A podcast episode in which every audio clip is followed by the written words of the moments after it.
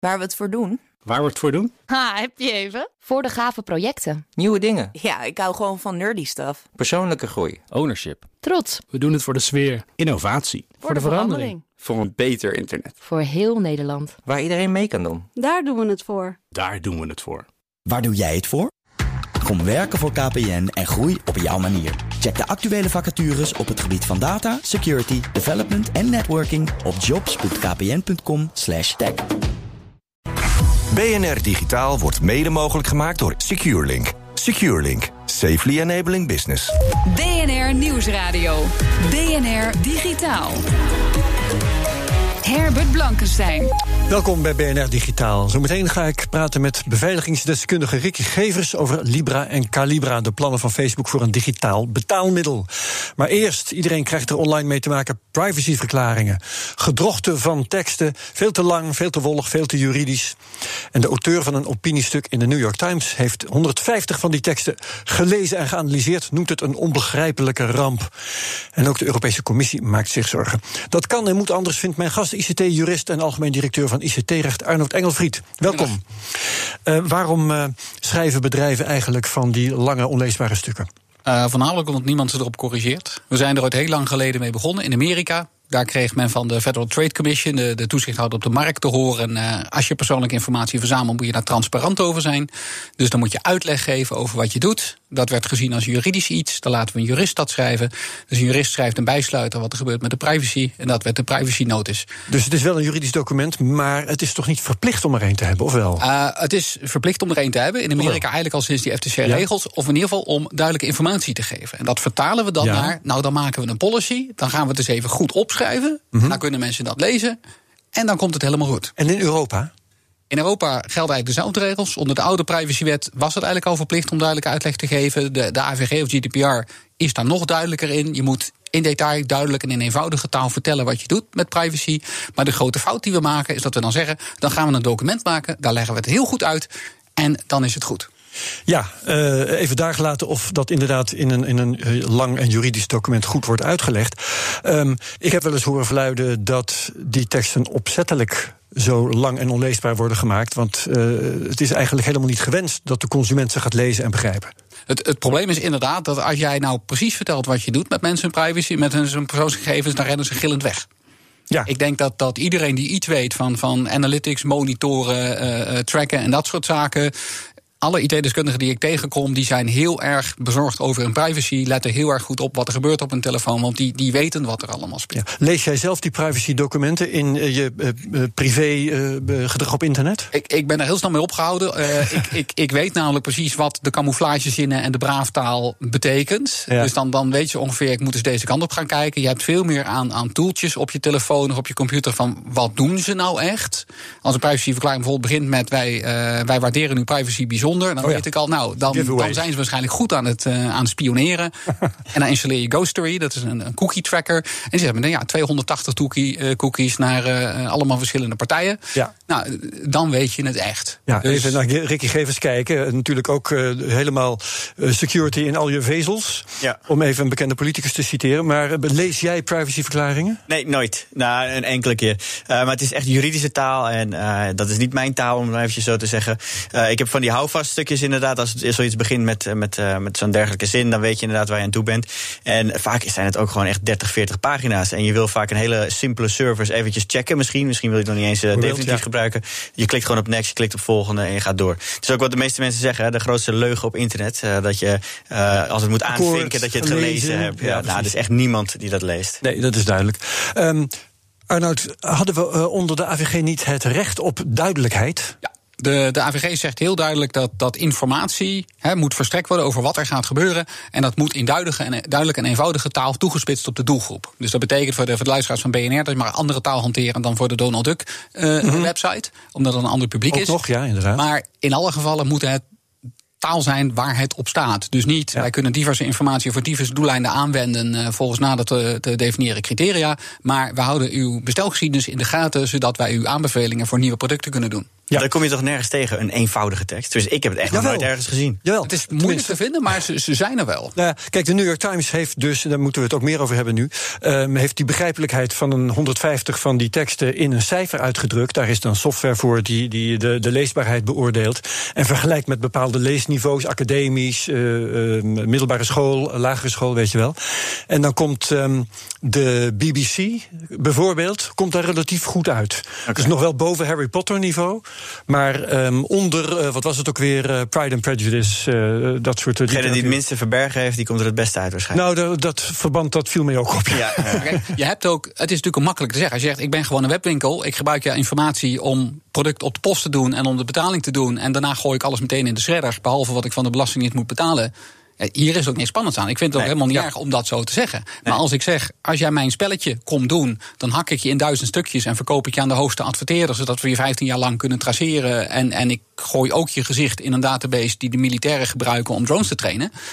Ja, daar, daar ga je misschien ja. een communicatiedeskundige vragen, kan dat anders? Maar Arnold, jij bent hier niet alleen vanwege dat stuk in de New York Times, maar omdat jij ook zelf daarop hebt, hebt gereageerd met een blogposting op jouw Justmentis uh, website. Mm -hmm.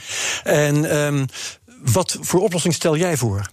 Het uh, belangrijkste, denk ik, is, is probeer af te stappen van het idee... we hebben een bijsluiter nodig, we hebben een aparte folder nodig over de privacy. Want folders lezen mensen niet, bijsluiters lezen mensen al niet. Hè. De apotheek van, moet dan moeite doen om mensen te ja, vertellen... wat staat er in de bijsluiter en gaan dat doen.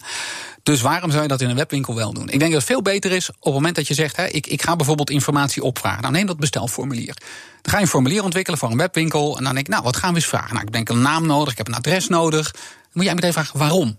En typ dat er dan bij. Wij vragen ja. uw naam en adres zodat we het pakketje op de post kunnen doen. onder een vraagtekentje waar je de muis nou, overheen kan laten Precies, erachteraan. En dan, dan zeggen mensen, nou weet je wat, ik vraag het de heer en mevrouw. Ja, waarom heb je dat eigenlijk nodig? Ja, dan kan ik in de mail zetten, beste heer Engelfried, uw pakketje is onderweg. Ja, en dan ook even zeggen graag, en wij gebruiken ja. uw informatie over, over uw gender nergens anders voor. Ja, nou, dat zou eigenlijk de default moeten zijn. De, de GDPR, de AVG zegt eigenlijk al, je mag het alleen gebruiken voor wat je hebt gemeld. Het genoemde dus als je ja. zegt, hè, wij gebruiken deze gegevens om het pakketje op de post te kunnen doen. Dan volgt er wel uit dat je mailtje mag sturen. Beste heer uh, Engelfried, uw pakket is onderweg. Ja. Maar dat je dan vervolgens die gegevens doorverkoopt als hier is de heer Engelfried en die wil vast nog wel een nieuwe fiets. Ja. Dat mag dan niet, want dat heb je niet gezegd. Dat, dat is een vreselijk goed idee. Ook mensen die erop hebben gereageerd, uh, die, die zijn lovend over dit idee van jou. Mm. Ik dacht alleen als het doel van de juristen of van de bedrijven die de juristen betalen is om het zo onbegrijpelijk mogelijk te maken. Ja. Wat ik me op zich kan voorstellen, laten we even cynisch zijn. Hè, Mm. Dan kan dat ook in zo'n hoekje onder zo'n vraagtekentje dat ze daar een heel A4'tje alleen al over heer of mevrouw neerzetten, zodat ik dat niet lees. Ja, kijk, camoufleren en draaien kan natuurlijk altijd. Ja. Dat, daar zijn spindokters en we hebben 110.000 communicatieprofessionals in Nederland, las ik vanochtend. We zijn heel goed natuurlijk in camoufleren en dingen. Alleen op het moment dat je gedwongen wordt door de context om kort en bondig te zijn. Want zo'n formulier heb je geen ruimte voor drie kwartier. Ja, ik hoorde net 40 pagina's zeggen. Ja. Maak eens een bestelformulier met tussen de regels door 40 pagina's uitleg. Dan gaan mensen niet mee invullen. Nee. Dat duurt me te lang. En um, lijkt het jou een goed idee om de, de um, autoriteit, um, hoe heet het ook weer? Persoonsgegevens, denk ik. De autoriteit persoonsgegevens, neem me niet kwalijk. Ja. Uh, om die te zeggen, moet je horen jongens, beoordeel nou ook gewoon de leesbaarheid van zoals de New York Times heeft gedaan. Hang daar een cijfer aan en Ja. dwing bedrijven om een bepaald leesbaarheidsniveau te bereiken. Kijk, in Europa hebben wij dat, dat systeem in Amerika. We hebben daar een Europees equivalent van. Dat heet het Europees referentiekader talen. En dat, dat zegt op verschillende niveaus, A, B, C en D, hoe moeilijk dingen mogen zijn. Dus niveau A1, dat zijn zeg maar verkeersborden. Linksaf, wc, uitgang. En niveau D2, dat is dan het hoogste niveau, dat zijn academische proefschriften, zeg maar eventjes. En uh, wat de AVG zegt, dat komt waarschijnlijk op Europees niveau B1 of B2. Dus dat zijn simpele folders. Hè. We hadden het net even over bijsluiters. Als je naar een apotheek gaat en er zijn foldertjes... Uh, uh, mijn kind heeft luizen, wat nu? De taal uit die folders. Ja, Zo ja. simpel moet dat zijn. Want iedereen moet weten, wat moet je doen als je kind luis heeft? Nou, iedereen moet ook weten, wat gaan ze doen met mijn gegevens? Om het zo in te richten, hè, bijvoorbeeld bij een formulier, die vraagtekentjes, muis eroverheen, eh, een stukje tekst Ja. over dat ene aspect. Is daar een wetswijziging voor nodig? Of kunnen wij gewoon tegen de autoriteit persoonsgegevens zeggen, doe het nou even zo? Uh, daar is geen enkele wetswijziging voor nodig. De AVG zegt gewoon, het moet in duidelijke en eenvoudige taal. Dus als de, de toezichthouder zegt, bij voorkeur wordt dat gewoon direct op het formulier gezet. Nou, dan, dan is dat de regel, is dat de invulling. Als jij zegt, ik doe het toch met een folder, comply or explain, dan mag jij uitleggen waarom jij het toch meent anders te moeten doen. Je moet het toch wel verplichten dan denk ik. Want als je bij voorkeur gaat zetten, dan gaan mensen altijd een route eh, weten te vinden om het ergens dat, dat, dat is zeker zo. Uh, dus dat kun je in eerste instantie verplichten. Maar als AP moet je natuurlijk als toezichthouder ook rekening houden met de belangen van de partijen op wie jij toezicht houdt. Je kunt daar niet als een bulldozer doorheen. Dus je moet wel even kijken, hè, zijn er toch partijen die echt een uitzondering nodig hebben? Ik kan me voorstellen dat je bijvoorbeeld zegt een, een, uh, een enquête site die veel meer dingen uitvraagt of wetenschappelijk onderzoek. Die hebben gewoon dat format nodig. Maar wel boetes als ze zich daar niet aan houden. Ik denk dat het een heel goed idee zou zijn om, om daar meer met boetes te strooien. En ik zou daarbij zelf zijn voor, dat klinkt heel gek voor lage boetes, maar dan in de breedte. Want als je 10.000 boetes uitschrijft van 1000 euro elk, maak je 10.000 mensen bang en dan gaat het rondzingen. Terwijl als je zegt, we gaan één partij, hè, zoals Google, een boete van 50 miljoen opleggen. Dat is in Frankrijk gebeurd. Google schrijft onduidelijke privacyverklaringen. Dan zeggen ze, wij gebruiken diverse gegevens uit diverse bronnen voor diverse doeleinden die we op diverse manieren kunnen inzetten. En jij zegt ook in, jou, in jouw eh, blogposting, hoe lager die boete, hoe minder uh, bedrijven geneigd zullen zijn om daartegen te protesteren. Ja, op het moment dat jij te horen krijgt, dat is een beetje een nuisanceboete het is 1000 euro als je het verkeerd doet. Nou, dan wil ik het wel goed doen. Kan ik ook weer iets voor investeren. Maar dan ga ik niet een advocaat verhuren om tegen bezwaar te gaan. Ik bedank je alvast voor deze bijdrage over eh, privacyvoorwaarden. Maar voordat jij weggaat, je moet helaas weg. Eh, dus je maakt de tweede helft niet mee. We gaan praten over uh, dat nieuwe crypto-initiatief van Facebook, hun eigen munt. Zie jij daar juridische problemen bij optreden? Het is uh, een grote vraag natuurlijk wat Libra nou is. Als ik het juridisch bekijk, de, de wet is niet heel duidelijk over wat geld nou precies is. Wanneer iets officieel erkend geld is.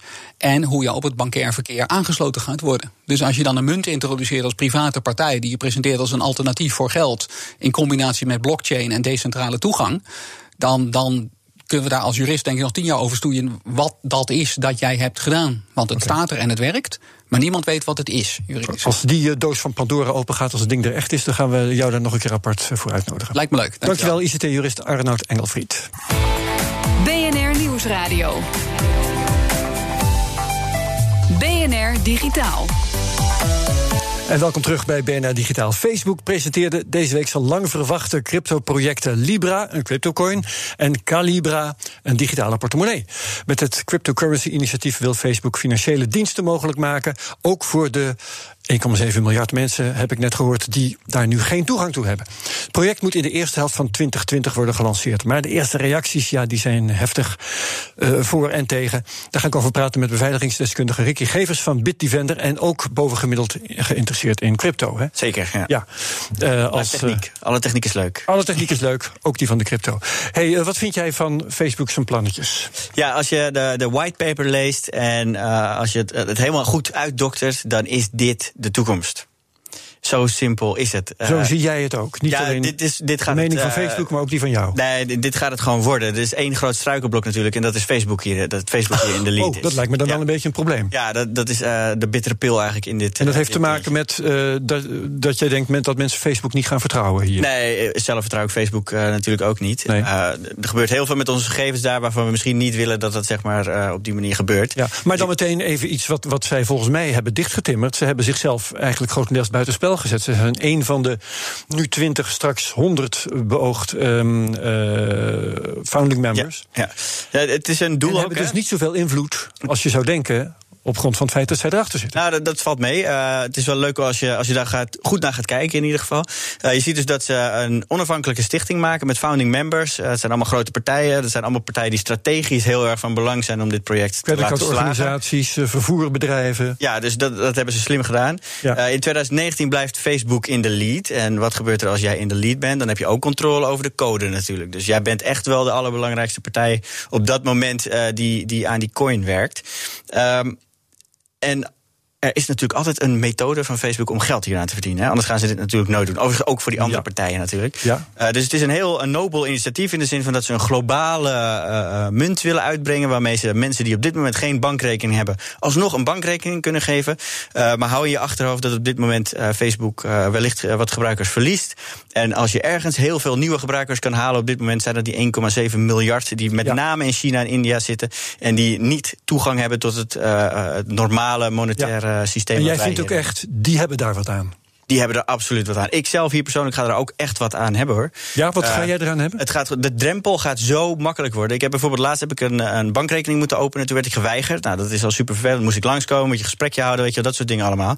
Nou, bij Facebook gaat het zo worden dat je een kopie van je ID opstuurt en je krijgt je, je, je rekening. En moet je je voorstellen Kopie dat jij van je nou- idee, van een zakelijk idee. Ja, zaak- zo. oh, je- ja, sorry, ja. idee, eh, identificatie. Ja, hoe ze het exact gaan doen, dat, dat weet ik niet. Maar het kwam in ieder geval. Je moet je in ieder geval verifiëren dat jij een, een persoon bent. eh, of waarschijnlijk een entiteit of een, een, een bedrijf. Ehm, maar je moet je voorstellen dat stel dat jij dus in India zit. Dan kan je op dat moment met een paar klikken op jouw telefoon kan je zo'n rekening aanmaken. En dan kan je eventueel dus werk gaan verrichten voor iemand in Nederland. En op die manier betalingen gaan ontvangen. maar- de drempel tot financiële systemen wordt dermate klein. dat dit de route gewoon gaat worden die mensen gaan nemen. Maar jij weet als security-deskundige natuurlijk heel goed... hoe makkelijker iets is, hoe minder veilig. Ja, maar dat moeten we gaan zien in de praktijk natuurlijk. Ja. Dus eh, dat wordt de ontwikkeling van het systeem. Dat is nu nog totaal niet af, dus daar kan je nog niet zoveel over zeggen. Jij kunt niet zeggen van dit gaat zo en zo misbruikt worden. Ja, hier gaan mensen natuurlijk eh, misbruik van maken. In de zin van, eh, net zoals dat je met eh Tiki bijvoorbeeld al misbruik daarvan krijgt. Overal kunnen mensen misbruik van maken. Maar de achterliggende technologie, die is rock solid. Dat is gewoon wiskundig bewezen, zeg maar. Daar valt in feite niet mee te sleutelen. Facebook heeft dat ook weer relatief gezien verstandig ingericht. In de zin van dat ze de komende vijf jaar alleen maar trusted parties toelaten. Eh, dus jij kan niet een systeem, een malicious... parties als... ehm, de eh, nodes in het netwerk die het betalingssysteem in feite controleren Precies. en verifiëren. Als deelnemers aan de infrastructuur. Die dus 24-7 jouw betalingen aan het verwerken zijn. Hè, wat met gewone banken ook al niet, eh, niet het geval is.